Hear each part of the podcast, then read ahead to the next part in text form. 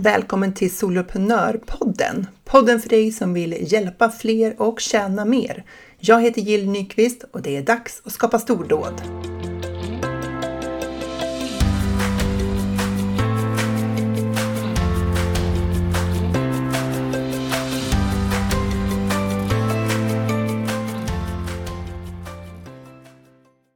Idag har jag med mig storycoachen Katrin Sandberg. Det här, det här samtalet ser jag fram emot. Varmt välkommen till Soloprenörpodden Katrin. Tack Jill. För de som inte känner till dig, kan inte du presentera dig? Så här, vad är det du gör och vilka är det du hjälper? Precis, vad ligger i eh, själva eh, titelns löfte, storycoach? Eh, och eh, den har jag ju skapat just för att den ska eh, bära min sanna kommunikation. Och det kan ju lätt spreta ut om man tänker nu hjälper jag någon att skriva eller eh, bli bättre på att, att eh, presentera sig själv. Och någonstans i det ligger ändå själva löftet av det jag ger. Och det är att hitta sig själv i berättelsen om sig själv. Eh, och där så vill jag sparra både egenföretagare eh, men också privatpersoner. Eh, att på något vis förstå och upptäcka värdet och kraften i sin egen livsberättelse. Så jag jobbar mycket med vad jag säger sann och autentisk kommunikation. Sen kan vi gå vidare i samtalet och prata om vad sjutton är då det. Men i det då så använder jag av mig utav då den eh, egenskapade storymetoden som är ett både tänk och ett förhållningssätt. Ja, och du har ju gjort det där med mig. Ja, ja. det var en härlig resa. Ja. Det, det var jättespännande där, för att Eh, Eh, jag tyckte att det var väldigt intressant den här utgångspunkten kring eh, ens egna liksom, drivkrafter. Men du kallar det inte riktigt så. Nej. Eh, så att då kan man ju undra vad 17 då, det finns en storycoach som erbjuder någonting som kallas för storymetoden eller storycoaching. Och det kan jag i korthet beskriva som att jag letar, eller vi som storycoachar, vi letar efter positiva händelser och uttryck i din livsberättelse. Eh, så det är som att vi spårar eh, platser och tillfällen där du har känt dig glad, stark. Och någonstans i eh, det här spårandet så uppstår ett mönster av att men det här är någonting som du återkommande vill uttrycka, för här känner du dig, dig som du. Du blir full av energi, så därför så eh, drar du dig till vissa eh, eh, uttryck, kan man ju då säga.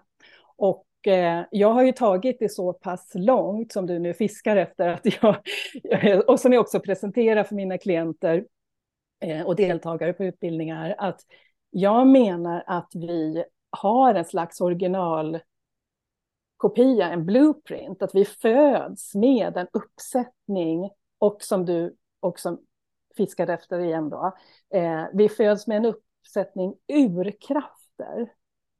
Jag älskar det ordet. Urkrafter, det låter liksom ännu bättre.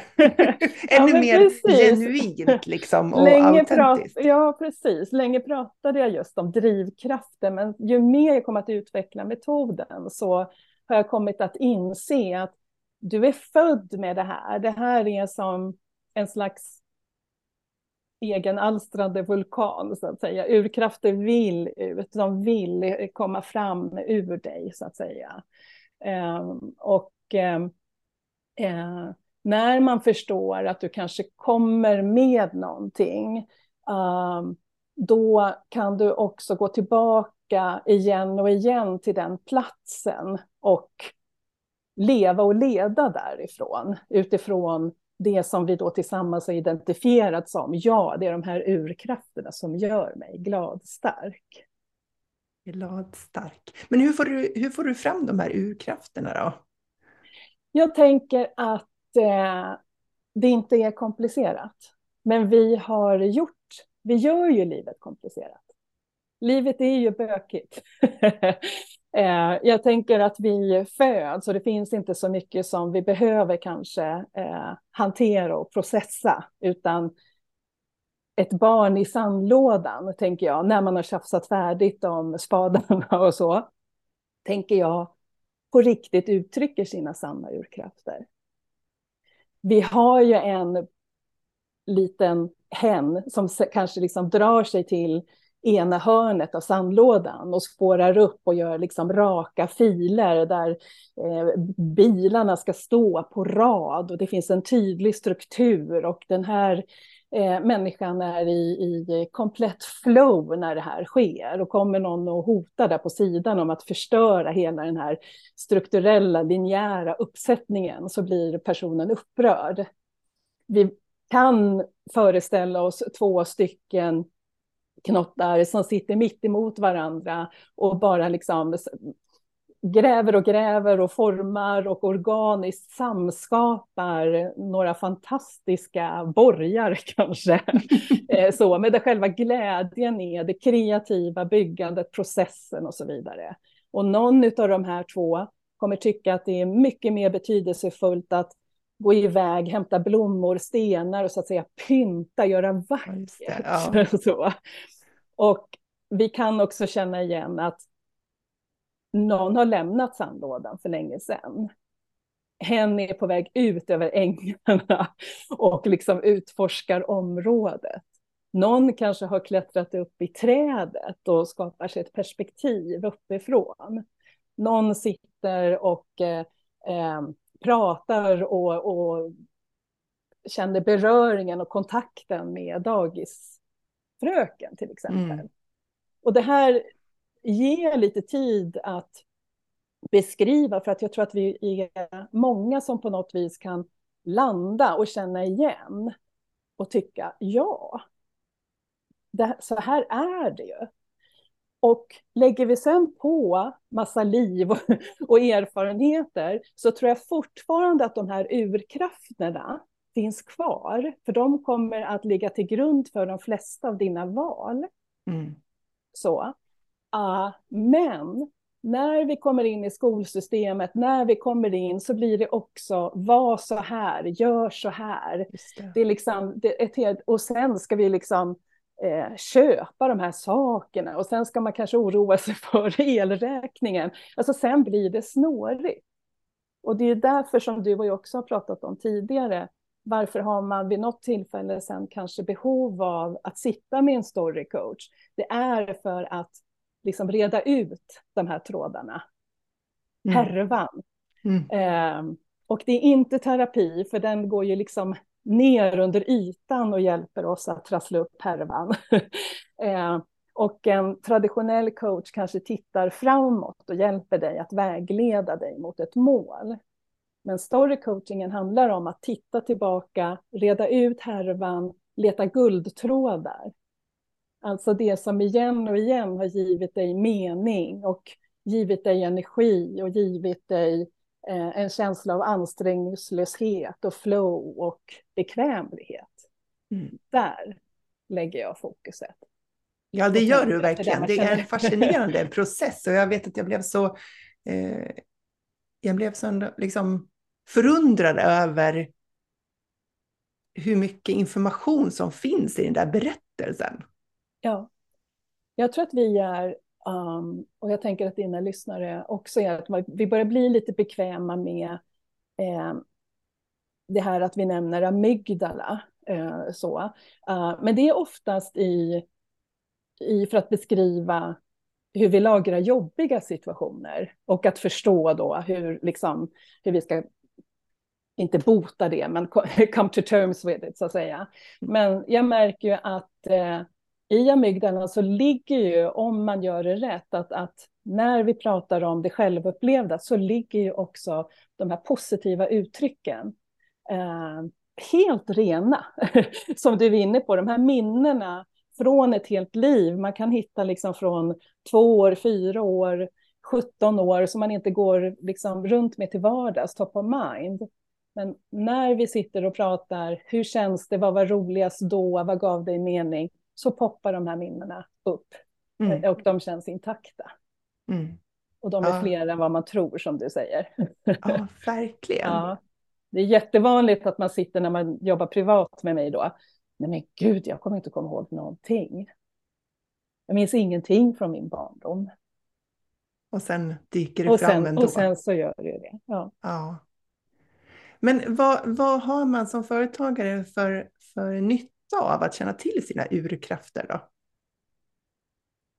Eh, jag vill mena som har varit eh, småföretagare och egenföretagare sedan 98 tror jag. Jag är gammal.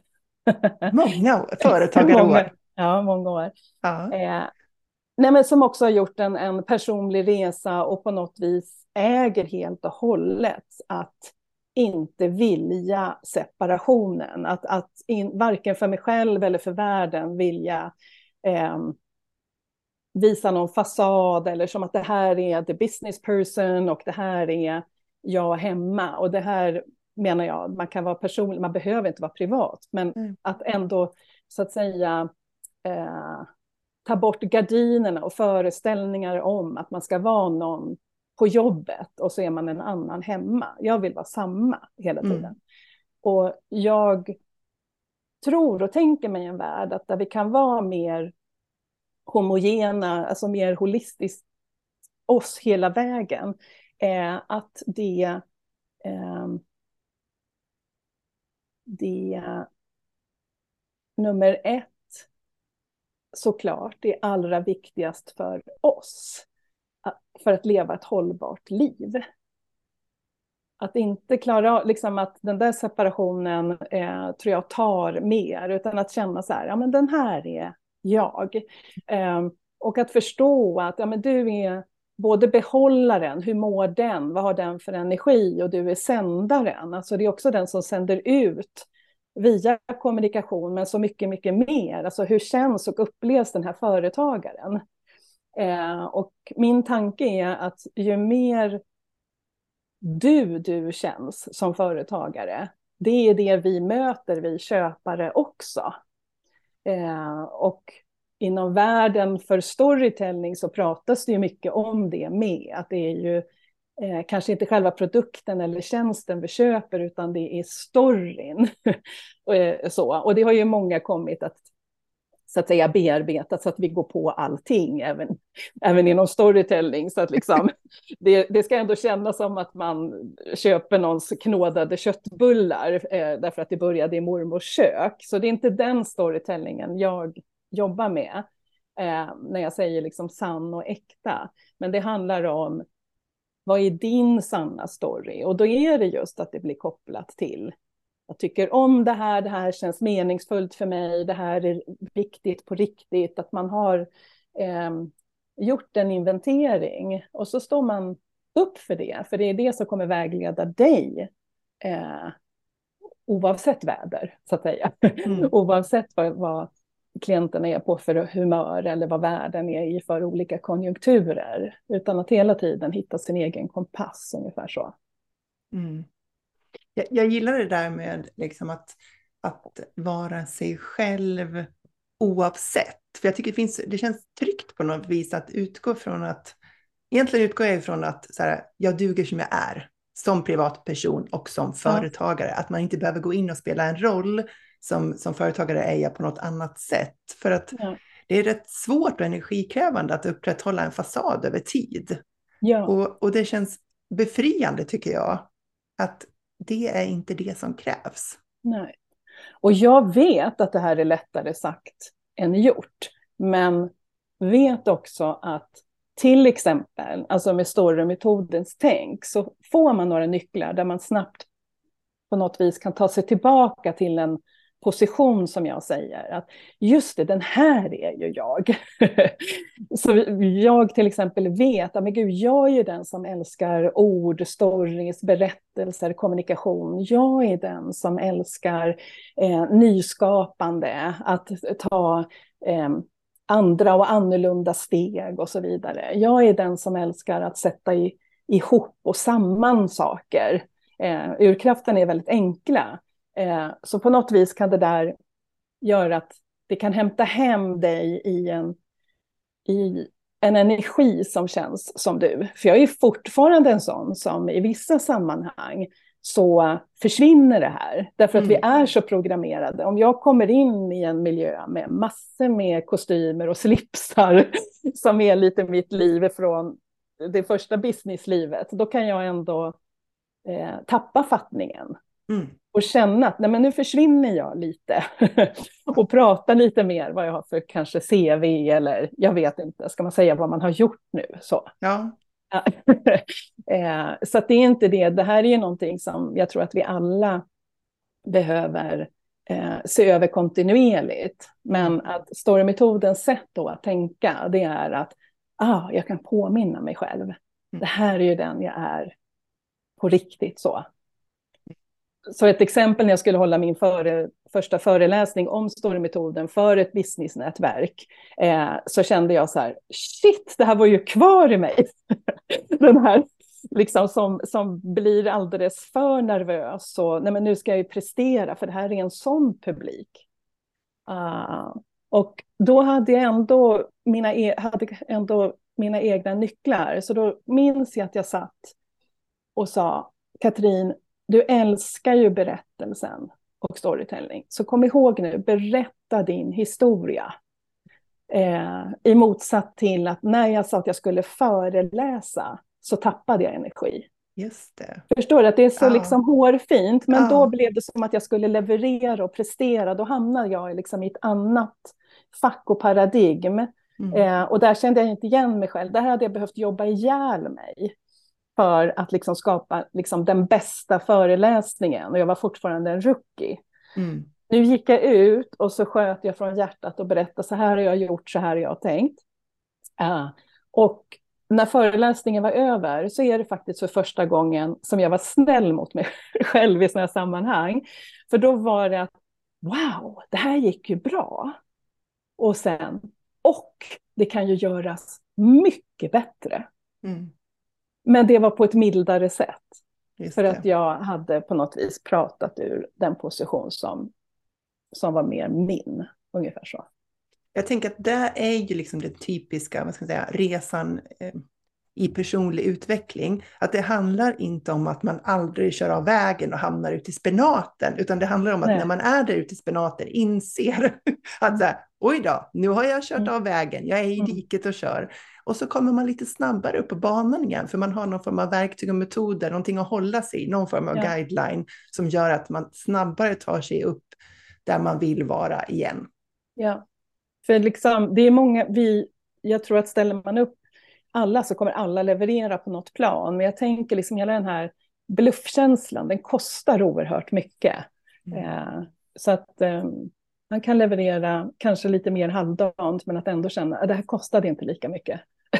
Nej. eh, så. Och jag föreställer mig också att resultatet blir ändå bättre till lägre energikostnad. Jag, jag kan relatera till din känsla där eh, om det här med att liksom, hamna på fel spår inför en föreläsning. För jag, skulle, jag skulle hålla en utbildning inför en, en målgrupp som jag inte brukar träffa. Och då hamnade jag precis där att, oh, oh, vad ska jag säga till dem om det här? Och det kändes otroligt krystat och jag visste inte liksom, så här, hur skulle jag kunna göra det här så att det blev liksom värdeskapande för dem? För jag, jag är ju väldigt mån om att, att försöka hitta det, alltså anpassa efter målgruppen. Mm. Och jag la ner jätte jättemycket timmar på att tänka kring det där och det skavde liksom hela tiden. Och sen hittade jag just en sån där förlösande mening. Det var så här, men vad är det för, en, för, vad är det för enda insikt som jag egentligen vill skicka med dem? Jo, men det är ju det här. Och då kändes det som att så här, ja, men det är ju det. Det, så här, mm. det lättade bara den där insikten om så här, vad är det egentligen som jag utifrån mina liksom, samlade erfarenheter vill ge dem? Och det mm. var typ en mening som var den mm. allra viktigaste. Utifrån mm. det så kändes det som att det andra föll på plats på något vis. Mm. Eh, och... Men det är precis så, så skulle jag nog kunna även beskriva mitt, mitt sätt att jobba och tänka. Att på något vis hitta den sanna nyckeln som väger tyngre mm. och är liksom mest på riktigt av allt det du är och vill, ungefär så. För när vi förlorar oss så vi blir vingliga. Ja, och det är då de här liksom negativa tankarna eh, kommer. Och vi, vi sa ju det innan vi började spela in, att hjärnan är ju inte alltid vår bästa vän. Det pågår mycket där som man egentligen inte behöver lyssna på. Mm. Och det är lätt att eh, gå vilse i, i sina egna tankar när man, när man tappar lite grann sin egen bärpunkt och sin egen riktning. Mm. Och som företagare tänker jag att vi har så otroligt många valmöjligheter. Eh, på så jättemånga olika plan. Allt ifrån liksom så här, vilken teknisk lösning ska jag använda för att skicka ut mina e-post liksom, därifrån, till vilka typer av erbjudanden och tjänster ska jag erbjuda mina kunder och vilka ska jag egentligen jobba med? Och sen vad ska de kosta också? Mm, så det, liksom, det är ju hela, och vad gör liksom- alla andra? Ja. ja.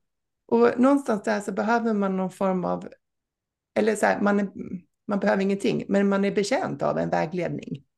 Eh, och om ja. den då grundar sig liksom i, i sina egna urkrafter, då tänker jag att då kan man väl inte gå fel. Nej, och det är ju lite så som jag, i, i och med att vi är lite programmerad att, att gå fel hela tiden, apropå vad vi har pratat om nästan hittills. Så, att livet lurar oss till det. Det finns så mycket som har präglat oss eh, eh, sedan länge, som, som på något vis sänder ut, gör så här, var så här, så vi får idéer om föreställningar. Mm. Eh, men men att, att på något vis ha några eh, liksom, både värdeord som på något vis härleder då till dina eh, urkrafter eller det som har guidat dig eh, genom hela livet, alltså från sandlåde, sandlåderacet, det gör ju ändå att du eh, på något vis kan, kan eh, både navigera, som jag brukar säga, men också kommunicera från en annan plats, din, din plats. Och det är där jag tänker att eh, ja, egen, egenföretagare, det finns ju liksom tusen och en olika sätt att egenföretagare, alltså vad vi har för olika yrken och titlar. Men det spelar ingen roll om du är frisör, massör eller coach eller eh, yogaentreprenör eh, och så vidare. Det finns ju alltid någonting som är mer unikt för just dig. Så vad, vad är det? Så det, om det finns tusen människor som säljer, företagare som säljer massage, mm. så menar jag att du, du tjänar på att hämta hem. Vad är, vad är ditt älsk eller vad är det som på riktigt gör dig glad stark? Och det är oftast kanske inte det du har hittat under de fem eller tio år som det har varit massör. Det är inte bara kopplat till, till det, utan det kan finnas något någonting som har varit med dig hela ditt liv. Den här känslan av att kanske skapa och etablera djup kontakt. Både med andra eller i sig själv, då kanske det är just den storyn som du kopplar ihop med erbjudandet massage. Mm. Lite så. Ja, precis, så där kan man ju använda liksom både då som en guideline för vilken typ av tjänster man ska erbjuda sitt företag, men också hur man beskriver dem då. Liksom, vad är berättelsen kring respektive tjänst, eller vad är berättelsen om mitt företagande? Ja, mm. precis så. Och det är därför jag inte jobbar så mycket med, liksom, hur ska vi kalla det för, uh, volym och kvantitetberättelse. Eh, utan jag jobbar ju väldigt sparsmakat och, och potent, utan det handlar ju mycket om kvalitet. Att den, den här är jag, det här utgör mig i, i eh, mitt engagemang, i min passion, i mitt fokus, i eh, eh min lust, det, det som genererar längtan, det som genererar mening i mig. Alltså den storyn vill jag eh, jobba med. Och då handlar det om, om eh, korta autentiska meningar för att beskriva sin unikitet. För det som är så häftigt igen, om vi tar dig tillbaka till att det är du, då handlar det om att det kan finnas en mening kan ju vara väldigt passiv och generisk. Det kan ju stå så här på pappret, jag älskar stories. Så. Mm. Men jag vet att när jag säger det så är det som att jag blåser li. Jag tänker att de här är, jag älskar stories, att det är så, ni vet sådana här guldiga eh, ballongbokstäver, så ligger de platta där. och så kan du använda dem och jag kan använda dem och så. Men jag föreställer mig att när jag går in med hela mitt liv och alla mina upplevelser i ryggsäcken, eller i hjärtat, mm. eller i liksom halschakrat så, så, så är det som att jag blåser in min energi i de här. Så mm. de puffas upp och det känner du. Så när jag säger jag älskar stories så är det dels en spegel till mig. Så att jag känner hur den energin bär mig. Eh, och jag vet att, ja men gud, det innehåller ju, liksom de här uppblåsta guldbokstäverna nu, innehåller ju sjuåringen som läste alla böcker.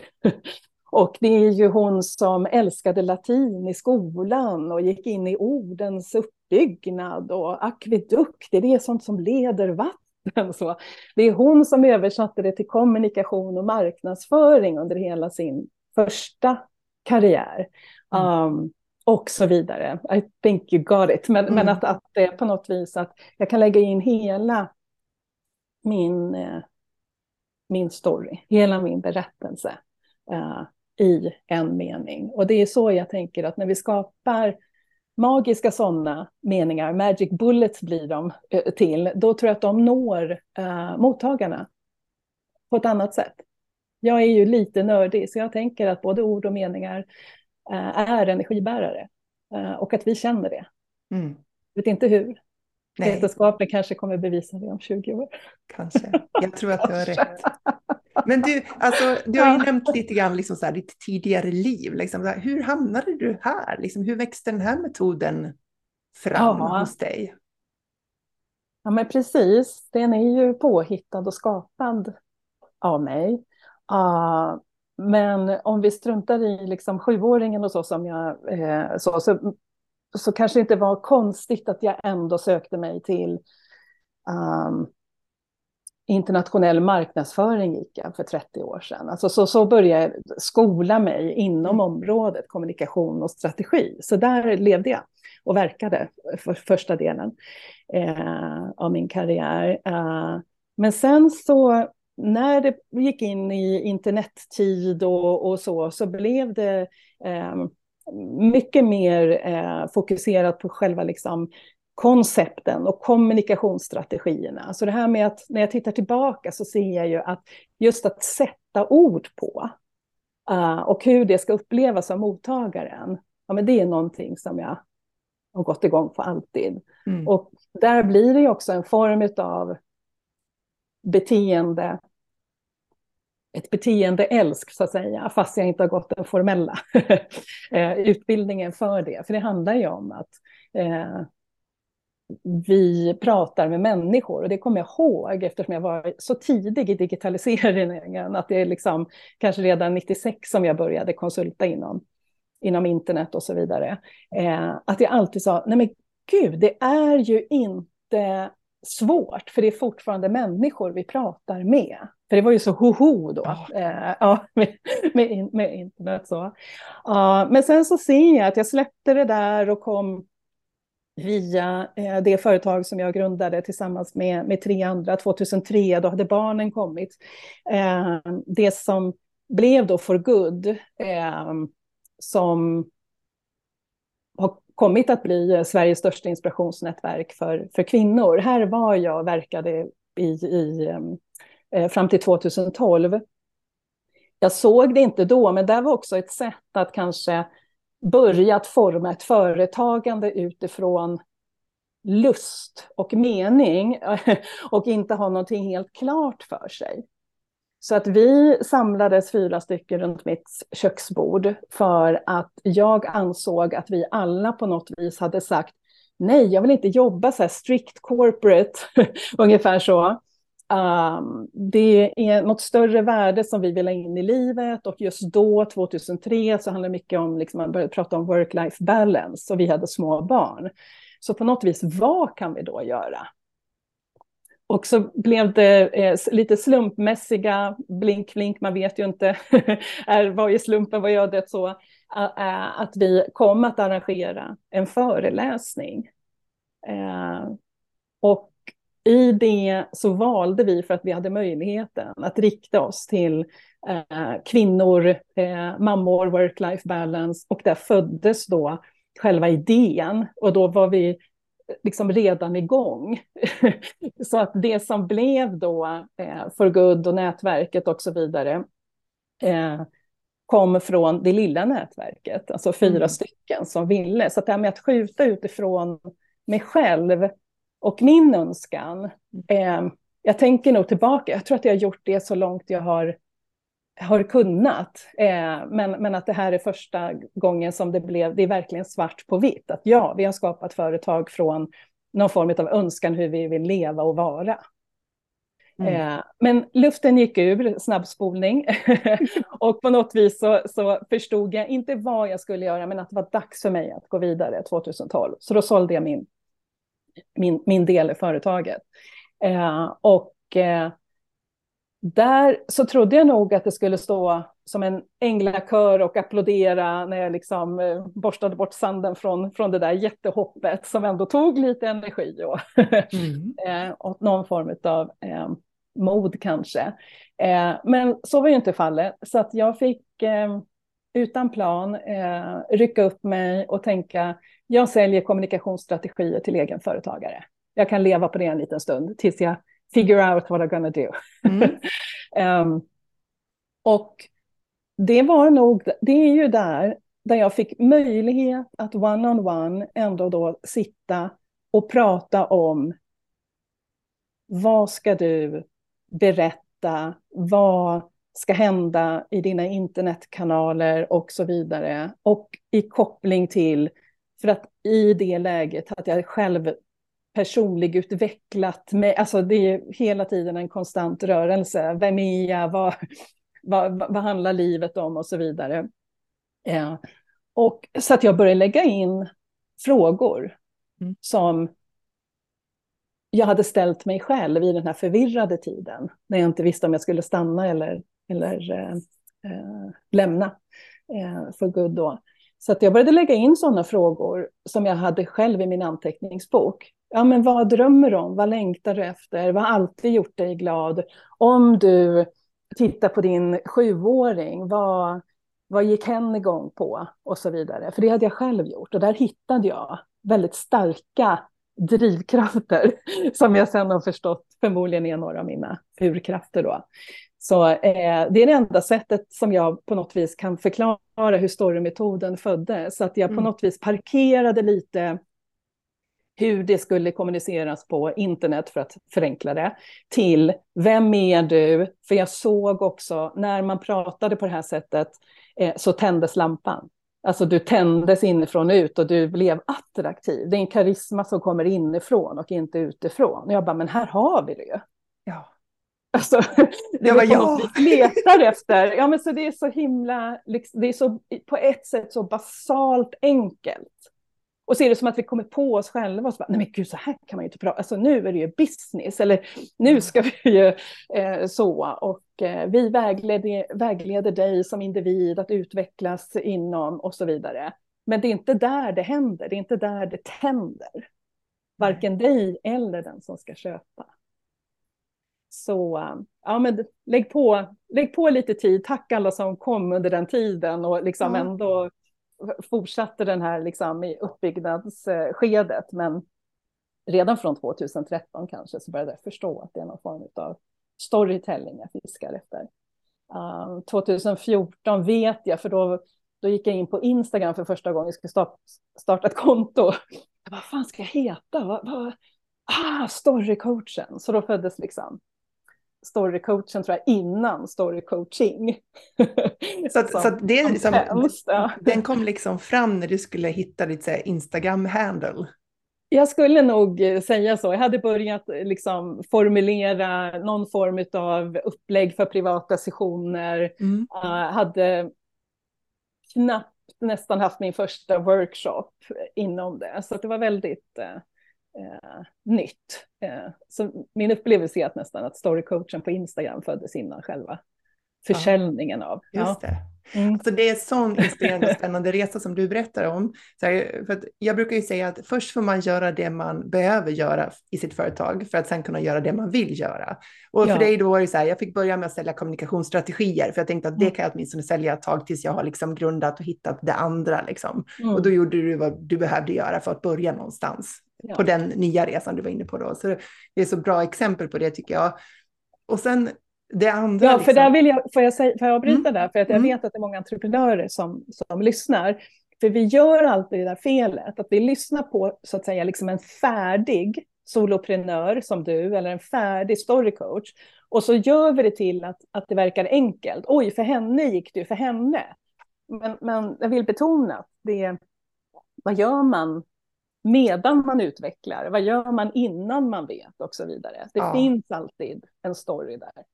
Ja men absolut. förlåt, det, är bara- ju, ja, men det, är alltså, det är en process. Man Ja. börjar någonstans och hela poängen är bara att börja. För sen får det ge sig. Liksom, den ena dörren ger insikt om andra dörrar. Men och går aldrig igenom den första, då ser du aldrig några fler vägar eller några fler alternativ eller sådär. Så att det, det handlar inte om att hitta den perfekta början. Det handlar om att, hitta, att, att bara välja en. Ja. Och, och inte tänka att det fanns några fyra andra som var bättre som jag sen missade. Liksom. För att alltså antalet dörrar är oändliga. Det finns hur många som helst för oss att välja på, men vi måste börja någonstans. Mm. Så, så ja, men tack för att du poängterade det, för jag tycker också att det är så otroligt viktigt. Och sen den andra som jag reflekterar över när jag hör dig berätta, det är just den där liksom kraften i att så många av oss använder vår egen resa till att hjälpa andra. Mm.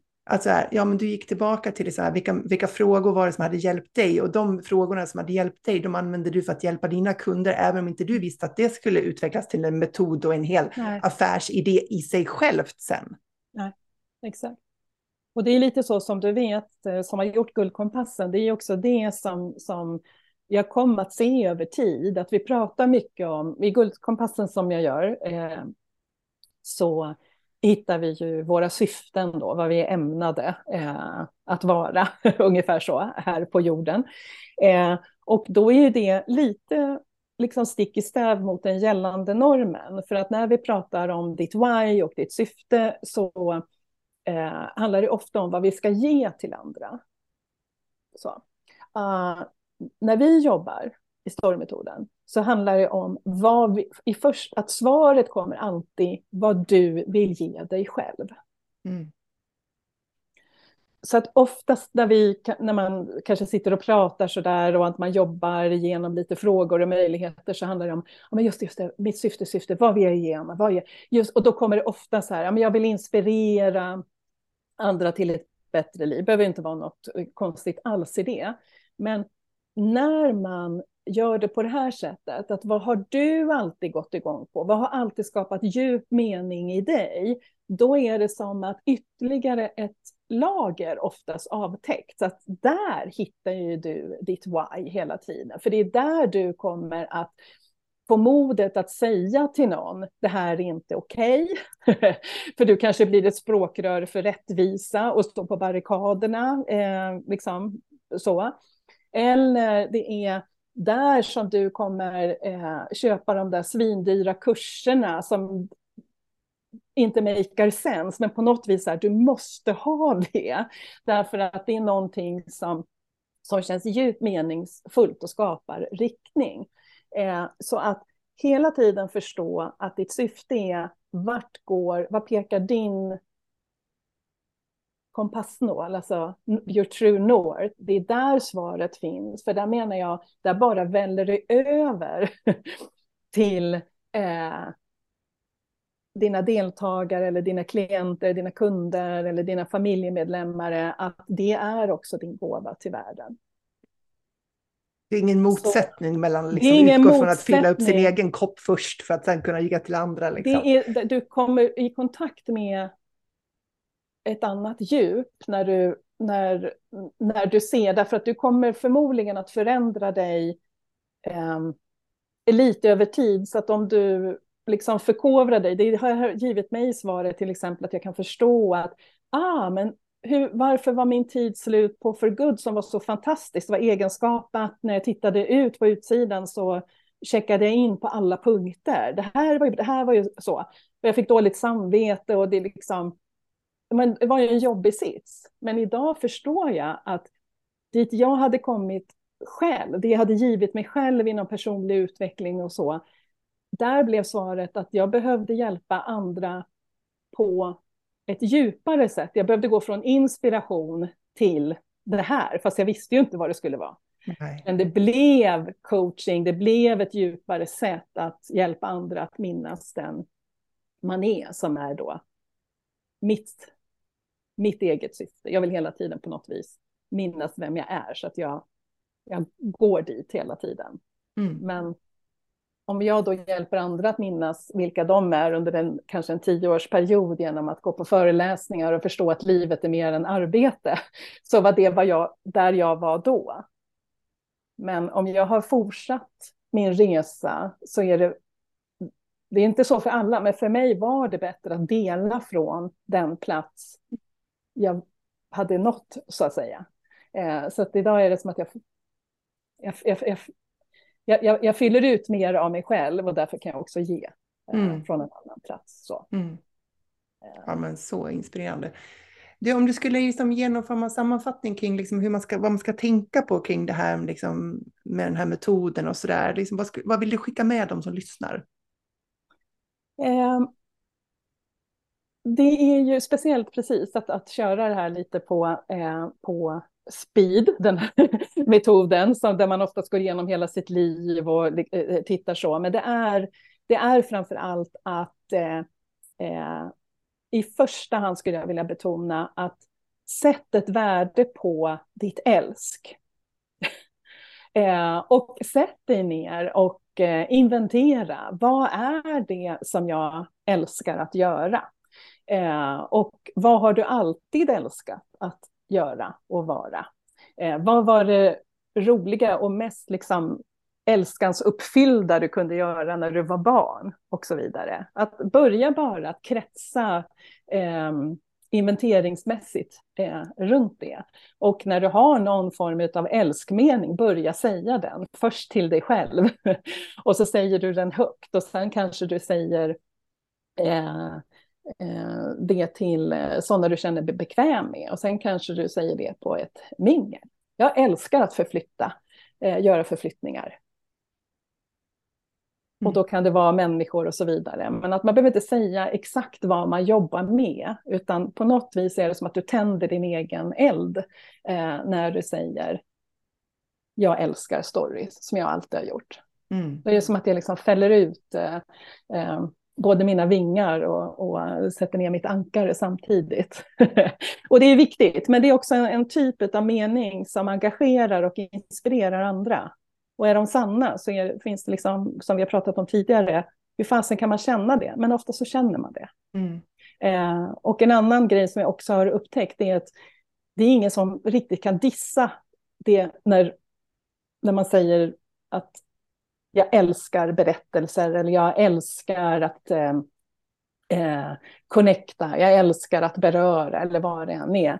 Eh, för när man säger uh, jag är bra på att springa 60 meter, då är det ju en bedömningsfråga. Eller jag är bra, liksom ungefär så. Men älska, då är det ingen så här, nej men det är du nog inte så bra på. Nej. Alltså det, det, det, liksom, det bjuder inte in till den här domaren och det är det Just vi hela tiden, vi människor, går in i. För att det är ju djupt genetiskt, ja. exakt att vi ska bedöma hot eller inte. Ja. Men att ta in det liksom i businessrummet, det är så onödigt. Mm. eller i minglet och så vidare, eller på sajten. Så jag brukar uppmuntra till, ringa in ditt älsk. Eh, så. Och, och, och testa att, att, att säga det. Uh, och sen så eh, brukar jag också betona, om vi kopplar in liksom uh, entreprenörskap, som också handlar om att sälja och kommunicera, att göra det enkelt, att skapa enkla strukturer för din kommunikation. Uh, och med det vill jag säga, börja med en älskmening, säg um, någonting som har att göra med, du vet, rött hus, kärlek, uh, jord. Så att alltså på riktigt människor, eh, meningar och ord som vi människor kan relatera till, skapa bilder av. Det är det som är storytellingens kraft. Mm. Så jag har jobbat med ledarskapsorganisationer som skulle ha liksom stora föreläsningar och det är liksom eh, resiliens och agilitet och förändringsledning inom. Alltså ja. vi fattar inte det. Alltså våra system fattar inte det. Nej. Att, eh, i det här sammanhanget som jag gick in i, så, så här, vad pratar ni egentligen om i den här modulen? Ja, men det är kärlek. Bra, sätt upp det liksom stort på mm. powerpointen, inte massa bullet points. Sen kan ni säga de svåra orden sen. Mm. Så att verkligen jobba med enkelhet och det som associerar och, och liksom skapa bilder i oss. Och sist så, så, vill jag betona att det ska vara sant. Och då pratar inte jag som i bekännelsekulturen vi är inne i nu, utan lite det här som vi eh, har varit inne på, hoppas jag, eh, under, vad är, liksom, under det här samtalet. Att på något vis, vad är sant för dig? Och då behöver du inventera, det är ingen quick fix, men det är sådär, har du energi på förmiddagen? För att alla andra jobbar då. Eh, behöver du lägga in din liksom starkaste stöt? Nej, men kanske inte. Shit, kan man göra så? Ja, men då är det sant för, för mig, ungefär mm. så. Jag, på frågan, när jag var på ett seminarium så, så blev det en stor eh, förändring för mig. För det blev så här, vem ger du din bästa tid? Ja, och då kände jag så här, ja, min bästa tid är den till mig själv när jag fnular och kommer igång mellan 8 och 10. Så mina coachingar börjar klockan 10, oftast. Mm. Det är klart man kan göra undantag. Men då är det så här, ja, det här är sant och självupplevt genom mm. mig. Och börjar man den resan, då kan man, där brukar jag också jobba vidare med andra, alltså genom det självupplevda sanna och sätta ord på det, där kan du göra hur mycket um, skapa hur mycket erbjudanden och paketeringar och eh, en form av nytt sätt att jobba som helst. För att du mm. gör inte vad alla andra gör, utan du checkar in i hur du funkar. Mm. Så. Ja. Det var en snabb. Lysande. Om man nu blev eh, superinspirerad och vill läsa mer om dig, var hittar man dig då? Eh, jag är väldigt aktiv på Instagram. Eh, så under, under titeln Storycoachen där så, så pratar jag mycket, jag erbjuder mycket, många av mina kurser den vägen. Uh, Skomakarens barn har en väldigt uh, tafflig men uh, kanske möjligtvis informativ sajt som heter sunnyrelations.com. Uh, men uh, Instagram är helt klart den bästa, bästa kanalen. Och jag går precis igång, så jag vet inte när det här är sänds, men jag jobbar mycket med årskurser eh, idag. Det, jag har kommit att se att det passar mig eh, jättebra. Men så finns också privata eh, upplägg. Ungefär så. Mm. Och ibland så gör jag story or business eh, workshop. Tusen tack för att du var med i Soloprenörpodden, Katrin. Tack Jill för att jag fick komma och prata, både med dig och med er på sätt och vis. Då. Och jag hoppas att du som lyssnar är sugen på att hitta dina urkrafter för att fortsätta skapa dina stordåd.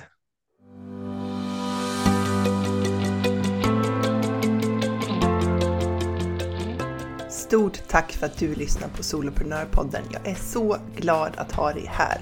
Du får jättegärna lämna mig en review på iTunes och ratea podden. Ge den fem stjärnor om du tycker att den är värd det, så hjälper du mig att sprida den till fler. Eller varför inte ta en skärmdump på det här avsnittet och tagga mig på en story på Instagram, solopreneur.nu.